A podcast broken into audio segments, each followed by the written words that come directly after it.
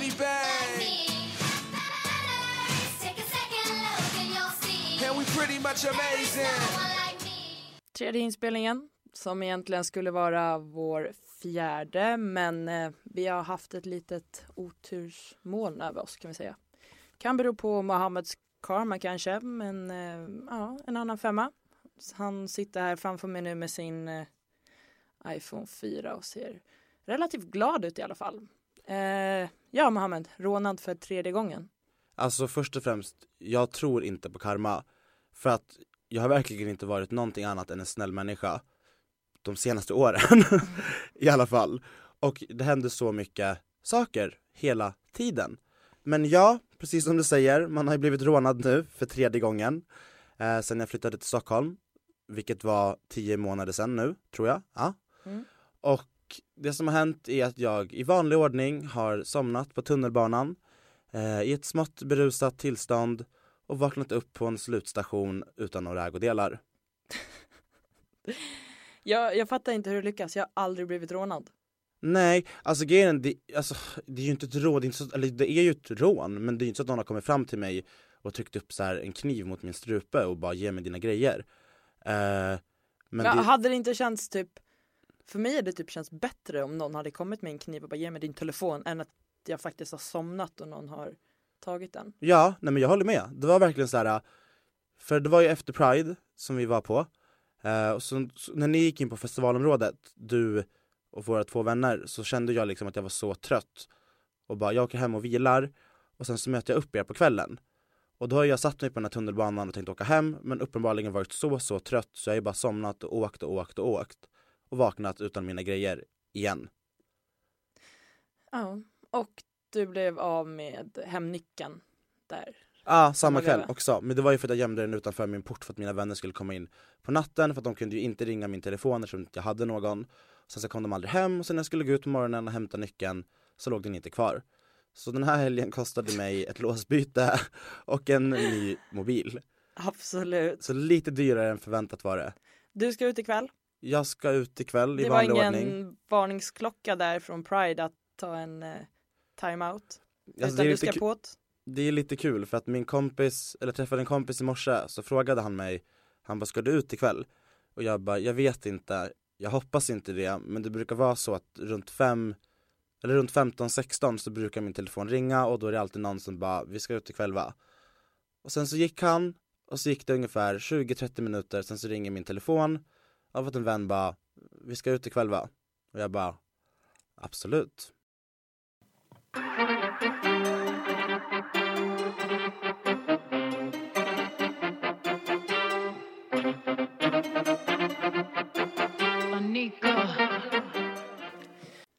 Två veckor har gått och det har hänt ganska mycket. I alla fall för dig Mohammed. Du har varit på din andra festival den här sommaren, Emmaboda. Alltså det låter som att jag varit ute och rest världen över Ja fast du är mycket. ute och härjar typ överallt. Ja, ja, ja, det är väl. Kan... Ja men jag är typ så här, jag är den som vi är lite ombytta roller mot förra året. Jag var den som typ vaknade upp i Upplands Väsby och drog till jobbet. Nu är det tvärtom. ja, alltså vart var jag vaknade förra veckan när jag skulle jobba? Eh, Nacka. Ja, ja, det var fan inte var det runt hörnet i alla fall. Eh, nej, ja, men jag var på festival och det var väl kul liksom. Det finns inte så mycket annat att säga. Alltså, jag lovade mig själv egentligen efter Peace and Love 2012 som var min första festival att jag inte skulle åka på festival igen. Det, den är sex nätter om jag inte minns fel. Sex nätter. sex nätter, jag åkte hem efter två För att jag klarade liksom inte av hela den här bo i tält grejen För att jag tyckte att det var så äckligt liksom Så man vaknade upp så här, hade ont i hela kroppen, var sjukt förfrusen Typ hostade och det Fast- var så här, 2012 var det, in, var det inte jättevarmt då? Det var ju det året det var åska och regn sjukt mycket en dag Och det Ja, var en kille som fick typ en blixt i sig Ja, har du sovit i tält någon gång när du vaknar upp på typ 50 grader i tältet? andra natten det Okej. är, alltså, det, ser du, alltså det är så här, man dör ju Ja. Oavsett, även om det regnar eller är sol så dör du ju i ett tält jag tycker det är lite härligt. Absolut. Men nej, så ja, men det var ju, jag åkte ner på fredagen och det var ju, då var det fredag, lördag och sen åkte vi hem på söndagen. Så det var väl kul liksom, men jag hade sönder min mobil redan där innan den blev stulen. Och sen så glömde jag ju alla mina kläder där för jag hängde dem på tork när det hade regnat och sen så glömde jag ta ner dem liksom när vi skulle åka hem. Så den jag fick med mig hem egentligen eh, var typ nya vänner. Mm. Och de har jag umgåtts ganska mycket med nu sen vi kom hem. Det har du. Ja. Och det tycker jag är svinkul. Så det var ju sjukt, alltså det var ju självklart att det var värt det så. Men jag hade ju jättegärna velat ha med mig värdighet hem också. Fast det är väl lite av Alltså festivaler är så mycket kärlek och på festival hittar du alltid nya vänner. Det är typ därför jag älskar festivaler. Jo, men det är också så här äh, Jag menar det är sällan du går ut på en klubb, okej fine, du minglar alltid och får nya vänner men jag kan vara lite, jag är med mitt sällskap och jag vill inte träffa nya personer. Men på festivaler är det så här, wow, kommer hem med jättemycket nya polare. Ah, ja, det är en helt annan atmosfär på festivaler än vad Mm. det är ute på klubb typ. Men det har också blivit så här, alltså det här kommer ju låta sjukt töntigt, men sen typ, alltså jag och du typ så här ändå har blivit typ Alltså jag skulle absolut inte kalla oss för kända personer för fem öre Men ändå så här internetprofiler ish Så har ju jag ändå så här märkt typ på människor vilka det är som vill vara vän med en för att man är en själv och vilka det är som vill vara vän med en för att de typ tror att det ska komma med så här hundratusen förmåner på köpet liksom. Och därför så tycker jag att, eller alltså man vet ju aldrig människors intentioner men man kan ju känna sånt. Och därför, jag, det jag ska komma fram till är att jag är sjukt noggrann med vilka jag har som vänner i mitt liv nu för tiden. Eh, och därför är jag glad att jag träffade dem så liksom, för att jag märker att det är bra människor. Mm, du Så pratar nice. väldigt gott om dem så att eh, Ja, men det är nice. Men annars så, det är väl det som har hänt. Det har varit festival, vi var på Pride förra veckan. Mm. Och det var ju kul. fantastiskt. Eh, torsdagen, då var vi ju inte på själva Pride-grejsmojsen. Men det var ju en kväll som eskalerade ganska rejält ändå.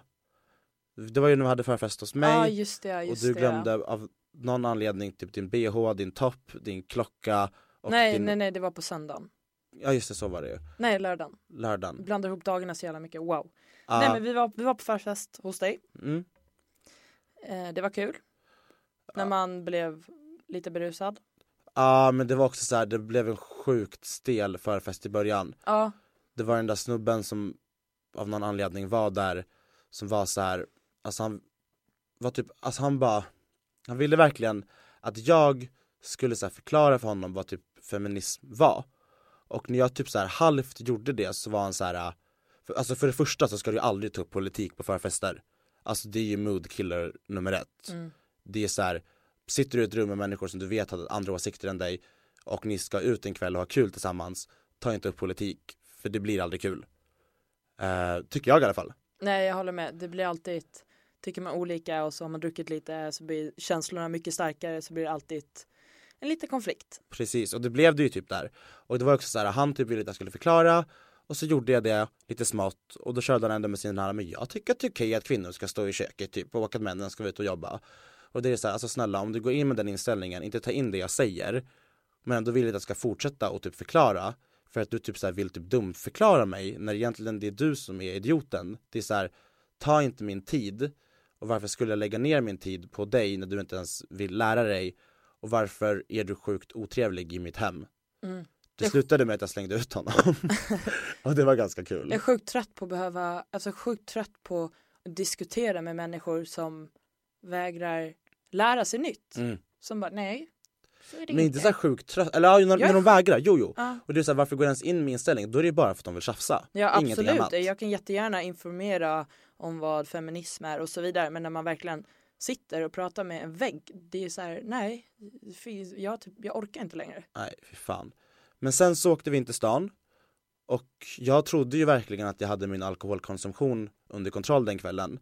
Men det var ju nog mina gamla jävlerötter som kom tillbaks och tog över mig den kvällen. För att helt plötsligt så stod ju vi vid Svampen på Stureplan och du Köpte vatten till dig och någonting att käka. Och trodde att jag skulle bli nyktrare. Alltså det är en sån här sjukt korkad grej som att Alltså det tror... tar ju ett tag innan man blir det för det första. Vi tror ju typ att nej men vet du vad vi ska in på den här klubben om fem minuter, tryck igen en eh, flaska vatten och en wraps och jävlar wow. Ja, för det händer ju liksom ingenting. Alltså man behöver ju minst en timme typ för att nyktra till om man ska hälla in någon vatten och sånt där. Det är inte att du går på en korv från Seven och typ så en Loka och sen är jag nykter och bara går in och klubba. Jag drack också vatten den kvällen. Ja, Ja, teamwork. Duktig du är. Men sen så slutade det med att jag sprang ju typ ifrån er Ja. och drog ut och klubbade själv. Och så då drog jag på någon gayklubb typ, för det var ju sjukt mycket gayklubb-events under Prideveckan. Och ja, jag hade väl ganska kul där men jag var liksom där själv. Vilket var så här sjukt skevt. Men jag träffade ju några vänner där men det var inte så att jag liksom hängde med dem för jag tyckte att jag typ minglade runt där. Och sen så stod jag på dansgolvet och så ser jag typ att mitt typ FD haff slash X eller vad man ska kalla det kommer fram till mig och typ vill prata så här. Och det var så här, snälla, alltså vi träffades i kanske två månader typ. Eh, och sen så avbröt han det så här från ingenstans typ. Och jag blev ändå så här ganska ledsen för att jag tyckte ändå om honom så. Eh, och jag så här, smsade och bara vad är det som händer? Alltså varför svarar du typ inte så här? Och fick typ ingen respons alls. Så jag bara fuck it, lät det vara liksom. Gick, det har gått tre, fyra månader nu tror jag. Det är inte så att jag tänker på jag bryr mig inte alls nu. Men just då ser man ju så här, åh vad hände liksom? Så kommer han fram nu när han är typ full och bara går emot mig, jag ser att han vill prata så här. Så det enda jag gjorde bara, jag viftade med handen och bara gå härifrån. Och så bara kollade han på mig och kände sig så sjukt offended och det var så jävla kul att jag kunde göra det så jag bara vinkade så här, hejdå och så vände han och gick därifrån och blev så jävla kränkt. Det är en sjukt skön känsla. Ah. Och kunna bara vifta bort någon jävel som har eh, sårat en. Mm, det är så jävla underbart. Uh. Och det är så sjukt ovärt ändå så här, om man ändå har bjudit upp till att ta diskussionen en gång var, och du inte bryr dig då, varför tror du att jag skulle vilja riva upp ett gammalt sår så här tre, fyra månader senare och ta upp det då igen? Det är så här, prata om det när det har hänt, kom inte typ ett halvår efter och bara Hej, just det, jag gjorde ju dig sjukt ledsen men nu är jag full ute på en klubb, vill du prata lite? Ja men fy fan, det var som eh, Jag träffade en kille för typ två år sedan som ringde mig på midsommar två år senare och bara Tja, vad händer? Skulle snacka, mådde dåligt typ. Och jag bara, ja du, jag har ett sjukt gött liv, jag har ett bra jobb, jag bor i en soft lägenhet och jag är världens bästa pojkvän. Det är så jävla skönt att kunna bara, bye bye. Trycka upp det i deras ansikten Absolut, liksom. men det kommer faktiskt in, vi fick en, eh, en tjej skrev till mig på eh, Facebook så vi kanske ska ta upp den frågan Är det en lyssnar, så kallad lyssnarfråga? Det är det. Kisses Youtube-kanal, läsarfrågor. Nej, då har hon skrivit så här, hur kommer man över en douche? Som har lekt med ens hjärta och eh, gjort den till att man fått ett kallt hjärta. Eh, och hur man börjar älska igen, typ. Har du något, eh, Nej alltså den där får du ta. men du måste kunna relatera lite eller? Alltså, jag, alltså som sagt, jag har ju typ aldrig haft ett förhållande. Alltså den här snubben är ju Men typ det, det, man behöver inte bara Nej jag tänker vänskaps, vänskapligt Ja. också. Då är det så här, alltså jag har ju också blivit, vänta kan, vad var frågan? Alltså om du har blivit, om du har blivit sårad Ah, och du blir kall, hur blir du varm igen och vågar du träffa en ny människa? alltså jag är så här, när jag har haft mycket vänner som har betett sig illa mot mig och som har sårat mig, eh, typ så här, utnyttjat mig och sånt där. Då har jag typ, alltså då har jag blivit kall och varit så här, typ ett ytligt skal.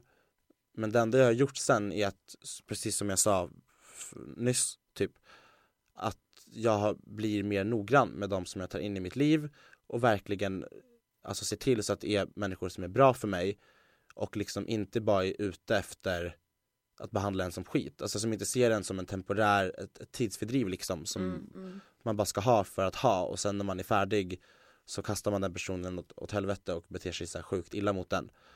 Och det enda, alltså det jag har gjort, och det är ju ingenting jag rekommenderar kanske, men jag är ju sjukt, eller har varit sjukt hämndlysten, heter det så?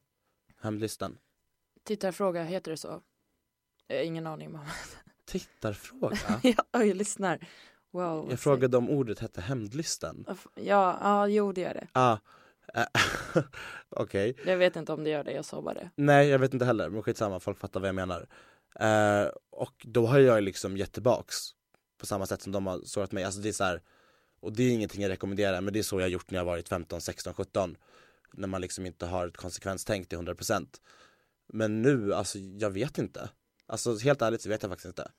Ja du, alltså. Ja, ja, det här är väl någonting. Shit, jag hatar när det blir ditt och mitt ämne. Men eh, det är väl ganska många sådana här frågor jag brukar få. Eh, och det är faktiskt väldigt svårt att säga för att alla människor fungerar som sagt väldigt olika. Jag vet själv att jag har varit eh, väldigt, jag är väldigt kall, jag har väldigt svårt att känn, få känslor eh, men jag är samtidigt väldigt känslig. Eh, och det man måste göra är att väl även fast det har hänt någonting väldigt dåligt som har sårat en så som du sa, bli mer noggrann med vem du väljer och ger ditt hjärta till och men man måste fortfarande våga typ träffa någon ny och våga känna igen. Det var det jag gjorde. Nu måste jag ringa Alexander igen för att han är typ den enda personen jag kan jämföra med. Men jag var väldigt som sagt dryg och kort mot honom i början men sen så Alltså din nuvarande pojkvän Ja. om det är någon som har missat det. Men nu när vi träffade honom så hade jag aldrig gjort det för att jag var så kall så hade jag aldrig haft honom i mitt liv idag så man måste fortfarande våga chansa liksom. Precis, det finns nog liksom inget riktigt svar på exakt så här ska du göra utan det är, man får testa sig fram och helt plötsligt så blir det väl bara bättre. Ja. Jag har inte lidit av det, att pröva mig fram. Nej inte jag heller faktiskt. Så det är väl typ det, Ja. I guess.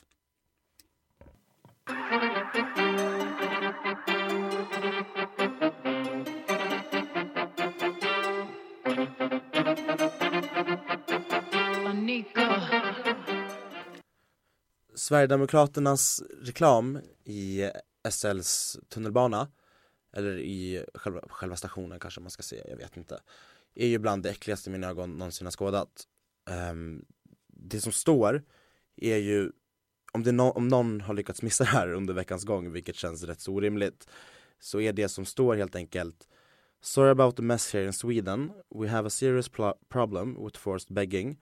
International, international gangs profit from people's desperation. Uh, our government won't do what's needed.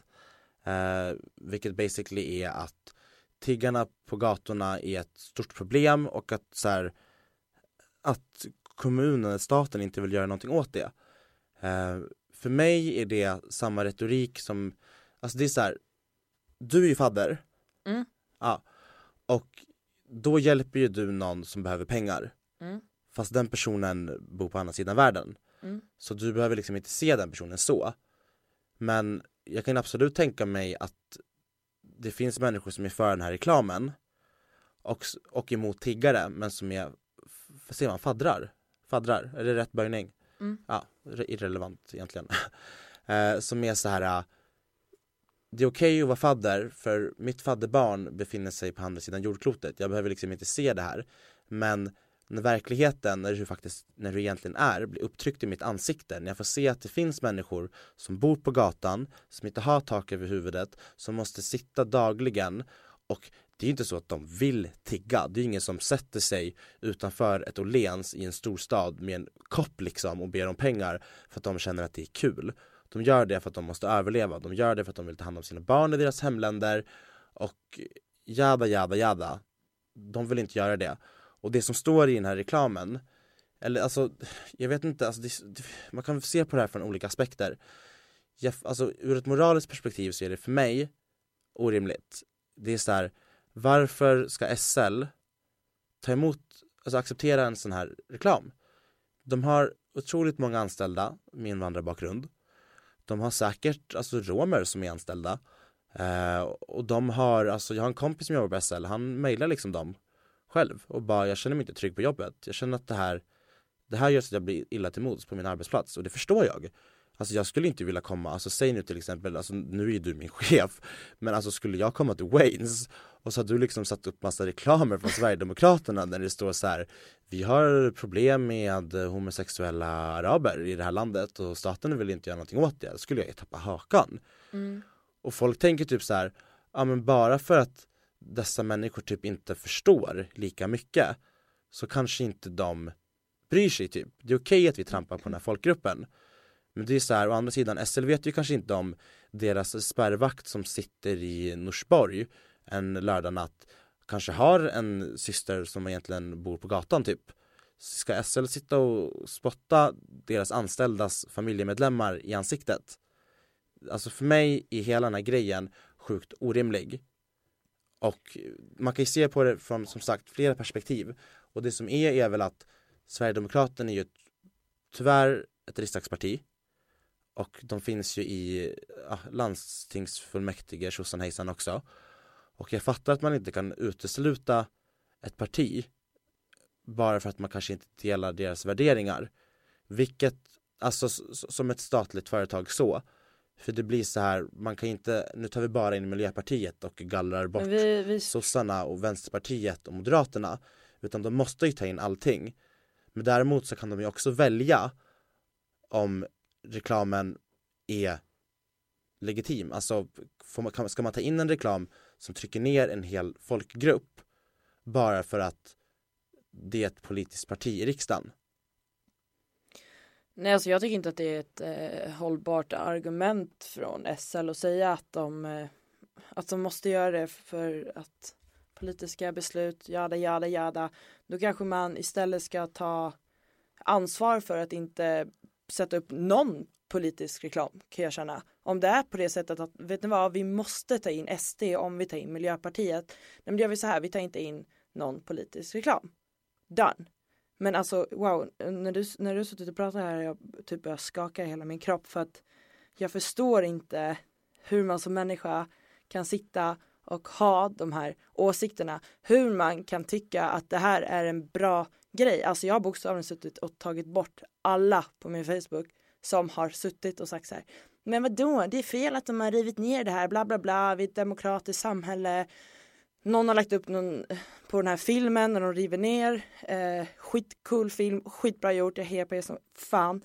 Och sitter och säger, men vadå, är det de här människorna som ska styra vårt land? Men de här människorna, det är ju de som är fantastiska, det är de som inte jämför människor, det är de som krigar för att få Sverige bra. Och wow, jag verkligen, jag verkligen brinner inuti mig. Samtidigt så är jag, eh, kan jag inte relatera på det sättet som du kan. Men jag kan fortfarande, eh, jag vet inte, jag blir bara så jävla arg. Nej, alltså ja, det är väl klart att man blir. Och det är också så här eh, när folk klagar på typ så här demonstranter och typ kallar så här att de har tagit ner de här otroligt kränkande affischerna för skadegörelse. Fine, det kanske faller under någon lagparagraf, la la la la la. I don't give a single fuck. Men det som är, är när har en motstånds, alltså när har någon med nazistiska, rasistiska eller fascistiska åsikter någonsin plockats ner från deras tron för att folk har varit tysta. Det är ju det är inte så att Hitler vaknade upp en morgon alltså, och bara nu känner jag mig färdig och sen så var det done.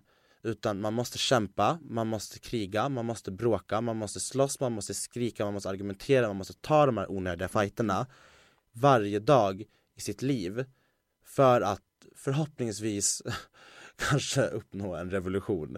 Nej, jag vet inte. Men det är så här, alltså jag köper inte argumentet att folk bara var tyst för när ni sprider sånt här på nätet så sprider ni mer reklam för SD och det är vad exakt vad de vill med den här kampanjen. Tycker det- Vissa säger ju typ också att i den här reklamen som har spridits så står ju, så är government felstavat.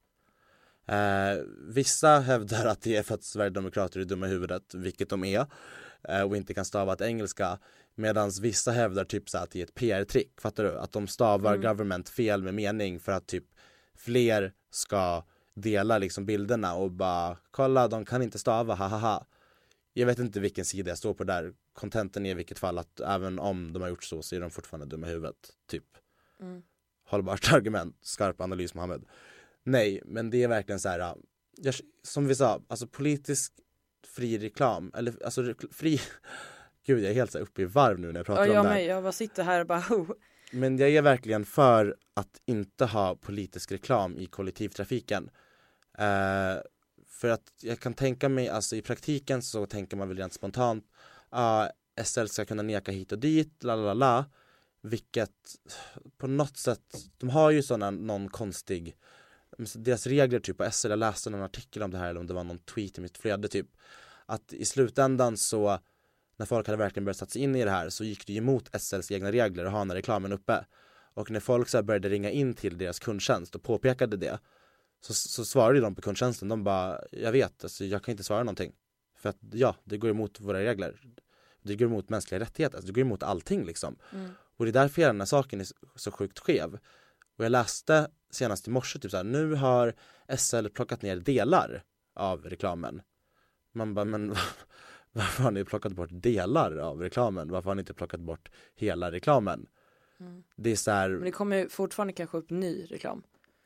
Jag läste det lite snabbt förut men alltså wow shit jag blir verkligen så jäkla uppe i varv men he- hela den här grejen vi att agera för mig är det viktigt att man ser man ett fel så säg någonting ser du på eh, gatan att ett gäng attackerar en individ gör någonting vågar du inte själv hoppa in ring polisen gör någonting om man bara hela tiden sitter och tittar på och låter det här problemet bara spelas på att vi ska ignorera det för att det ska försvinna. Det kommer inte försvinna för om ingen sätter stopp, om ingen skriker, om ingen lyfter sina händer och gör någonting så kommer det bara fortsätta och växa och växa. För det är som att man accepterar problemet. Precis, och därför känner jag alltså, alltså SL i överlag är ett sjukt problematiskt företag, alltså det räcker ju ändå med att deras kontro kontroller, alltså deras, deras regelbundna eh, SL-kortskontroller om man ska kalla det, de är ju oftast i utkanten av stan, alltså jag bor ju själv i en förort eh, och jag märker ju att alltså, det är en stor skillnad på hur mycket kontroller det är ute hos mig än vad det är när jag rör mig typ hos dig ute på Lidingö. Ja, när vi bodde i Hökarängen tillsammans så Ja. var det mycket mer, jag har aldrig mött på en eh, mot Ropsten. Nej, Aldrig. Och det är för att det är fina områden och då tänker de, men där har folk råd. Och sen så gör de så här, så nu ska inte jag sitta och skylta men det är så här, jag har pengar men jag bor ändå i orten. Det är så här, hur ska de kunna, de plockar ju bara mig för att jag bor i orten och tänker liksom, han har inte pengar för att han bor här ute. Men jag, alltså okej, dels har jag inte valt att bo där ute eftersom att Stockholms bostadskris är wow, men det är en annan debatt. Men jag älskar att bo där ute, alltså det är så här, det har gett mig så mycket bara att ha bott där i ett halvår. För att jag har verkligen märkt att det är en helt skillnad på samhörigheten mellan människor ute i förorterna än vad det är i innerstan. Och det tycker jag är sjukt fint. Men alltså, som sagt, alltså det är verkligen Men som du sa, hela det sätt, alltså om vi kommer in på det här med kontrollanter igen. Mm. Det är inte som att de kommer på tåget och säger Tjena, har du, kan du bara visa upp din biljett här? Alltså de går ju på som någon jävla maffiagäng, alltså de säger klumpar ihop sig så att ingen ska komma ut och de säger bara fräser mot en upp med din biljett liksom. Och det är också en så här klassisk vardagsrasism. Men alltså För tycker jag- de att de har ett viktigt jobb? Känner de varje dag när de går upp på morgonen att nu ska jag ut i samhället, jag har en viktig roll, jag gör förändring. Nej, Samtidigt, jo absolut det är deras jobb, det är deras, Precis. de måste ha in sina pengar men oavsett, de gör ju verkligen som att de är de gör ju bedömningen polisen, de är såhär Rah! de gör ju bedömningen själva, alltså de kan ju välja individuellt att inte behöva gå fram till just de där personerna på tunnelbanan utan du du kan gå fram till allihopa. Det var så här en gång så märkte jag, alltså, för folk säger ofta så här, men du kan inte avgöra att det där är rasistiskt, men det är så här, du är inte i min sits, du märker inte hur folk ändrar sitt tonläge efter hur du är. Det kan vara så här kontrollanterna kan springa, nästan till springa fram till mig och sen när jag öppnar min mun och så talar flytande svenska och liksom inte har någon brytning för fem öre, håller i min iPhone 6, ser, ser situationstecken städad ut. Så, tänk, så, så backar de lite och bara oj, de bara ah, här är kortet så här och herrn typ och blir så här skittrevlig. Och då är jag så här snälla, här är kortet, tryck upp det i ditt fucking ansikte, that's it.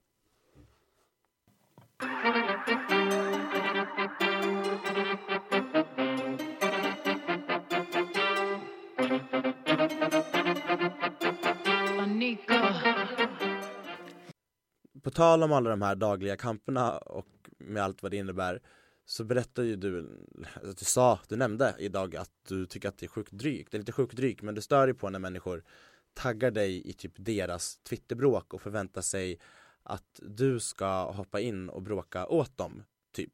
Mm.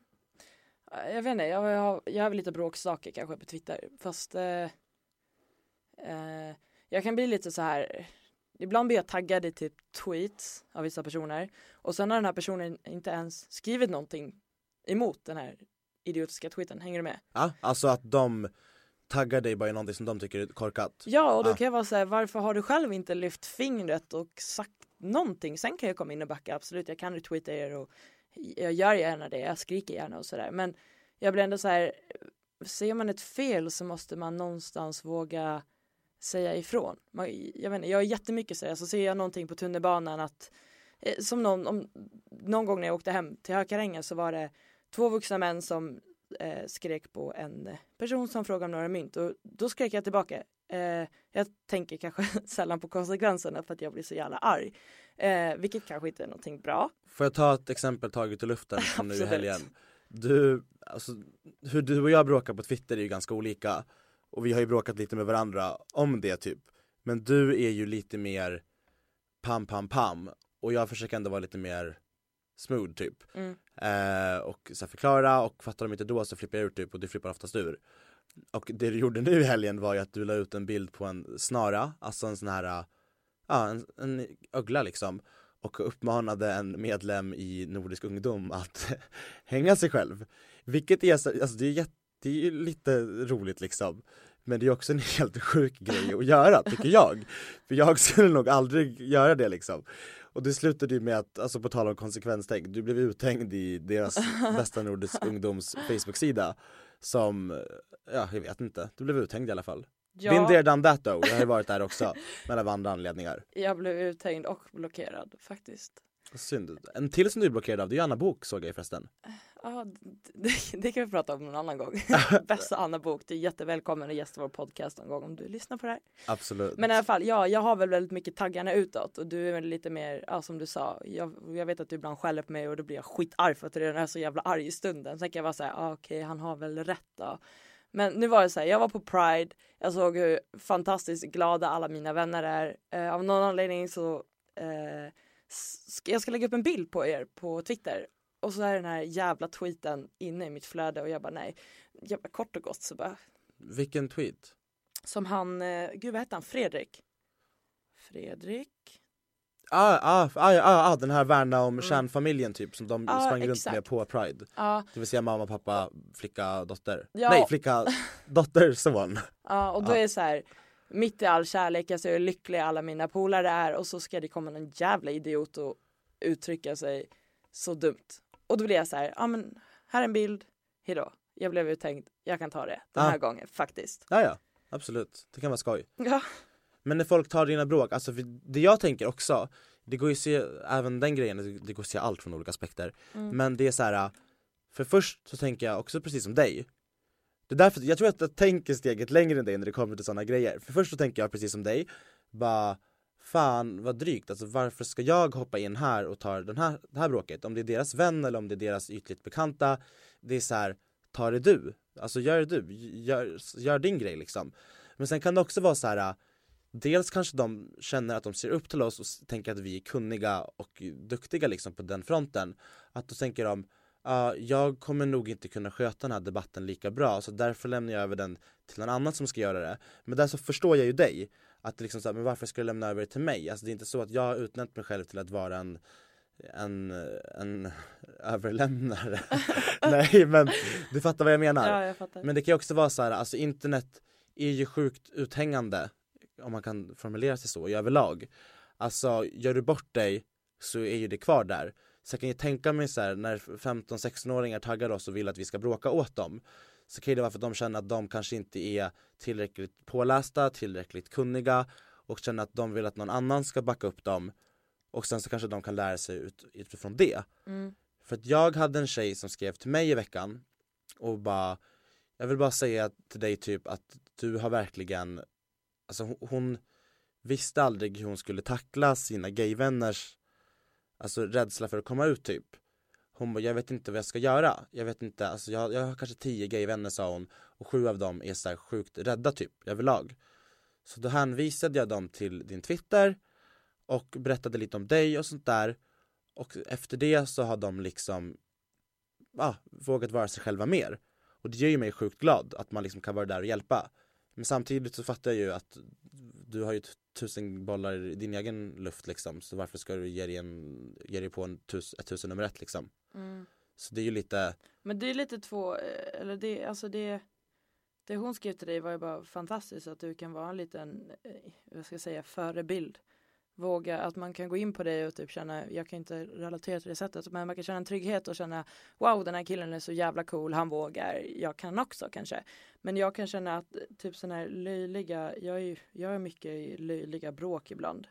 Och det kan jag göra ibland för att jag är så jävla det är också en sak som jag tänker på. Alltså du tar så onödiga debatter ibland. Ja, men Jag kan det- så gå in på din Twitter efter så en lång dag och så säger jag bara men Emmy, Ja ibland så kan jag bråka med, vara. ibland kan jag bråka med trollkonto men det är för att jag har skrivit ibland att jag blir så jävla arg. Alltså jag vet inte hur många gånger jag kan stå och bara såhär Typ, fine, går du in i en dörr, det är klart att du svär åt dörren men jag kan så här skälla ut en sked för att den har en fläck på sig. Jag vet inte, jag blir så fruktansvärt arg. Vilket är någonting jag behöver jobba med, jag vet det. Det är inte bra att vara en så jävla arg person, eller jag tänder till väldigt lätt. Ja, Och det är det så här, jag försöker och sen ibland jag bara ja, men så blir jag taggad i det i alla fall jag känner att jag bara, Åh, vi måste göra någonting men sen så nu har jag blivit så här, ja ni kanske ska försöka ändå och agera lite istället för att jag ska gå in och ta den här fighten och sen får jag så här 700 personer som attackerar mig, ofta snubbar. Men ja, jag vet inte. Alltså jag sitter här och är helt förbluffad, alltså du måste sluta ta fighter med trollkonton. Alltså om det var någonting jag lärde mig från förra årets mediastorm, man blev uthängd av halva Sverigedemokratiska ledningen eller vad fan man nu kallar dem och avpixlat fria tider och nyheter idag eller vad fan de nu heter.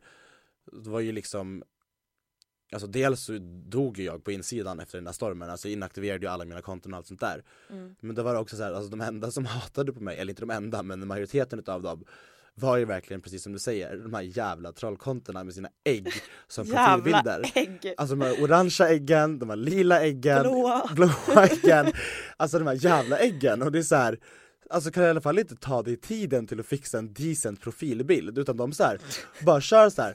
noll följare, följer fem, alla är typ så här äh, internetaktivister men du fattar Ja, ja. och så här, de är på alla dem, det är så här, alltså snälla Sven 78, nej inte 78 men typ 48 v- Vad vill du ha ut av det här? Ja, du- alltså vad du- vill du liksom? Det var ju lika han snubben som skrev till, mig för någon vecka sedan som jag la upp på mitt privata först för jag blev ju rädd först. Och sen så ringde du mig och bara Mohammed det är chill. Det här, den här äh, snubben med typ såhär Hells Angels profilbild. Och jag blev ju skiträdd, jag bara så här, för han typ så skrev och var lite hotfull. Och jag bara "Jaha, nu har man Hells Angels efter sig liksom. Och du bara Mohammed. Ah, vad var det du sa? Nej men jag bara Mohammed, om du går in på hans Twitter och kollar nu. Han har skrivit till dig, han har skrivit till mig, han har skrivit till Moa Mattsson eh, och till eh, ja, några andra twittrare, kanske sju stycken sammanlagt. Han följer 300 personer, han har två följare och jag tror faktiskt att en person som representerar ett mc-gäng inte går in på Twitter och attackerar 20-åringar? Ja. typ, nej det har nog rätt faktiskt. Nej det var ju sjukt naivt av mig att tro att jag hade hela Men Hells ändå, Angels efter mig du, du är ändå duktig på att backa undan sånt här. Det är inte jag, jag måste jobba lite på det men det tänder till så jävla lätt alltså. Så dagens läxa är att framöver låta äggen vara Ja, hej då äggen. Hej då äggen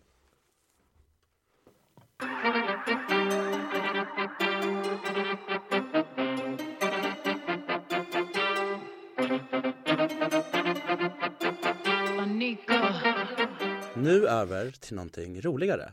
Gud, jag känner mig som ett nyhetsankare. Nej, men du och jag har ju faktiskt ett litet announcement att göra. Mm. Eh, och det är att den 31 augusti 2015 eh, så kickar ju den nya säsongen utav Paradise Hotel igång. Paulinas vänner i Mexiko. Ja, kan man nog också kalla det. Alltså det är verkligen det man läser nu de tre senaste åren då när det har varit inför varje säsong. Först så var hon ju med. Och sen så året efter så var det ju verkligen hon är vän med förra, deltag förra årets deltagare Paulina. Om typ så tre personer i huset. Sen så kom hon in igen. Och nu i år är det igen och den här personen är vän med förra årets vinnare Paulina. Och alla varit med i, eh, jobbar på Grabbarna Grus. Typ. Men det som sticker ut lite för i år, och vi har faktiskt fått tillåtelse att säga det här, eh, och det är att vi kommer ju faktiskt vara med i en vecka. Ja. Och det är allt vi får säga. Vi kommer in vi kommer in och vi kommer vara där. Vi har redan spelat in allting, för det spelades in i våras. Eh, och vi skötte det ganska bra på sociala medier om jag får säga det själv. Ja faktiskt. Sjukt bra. Eh, men jag ser fram emot det.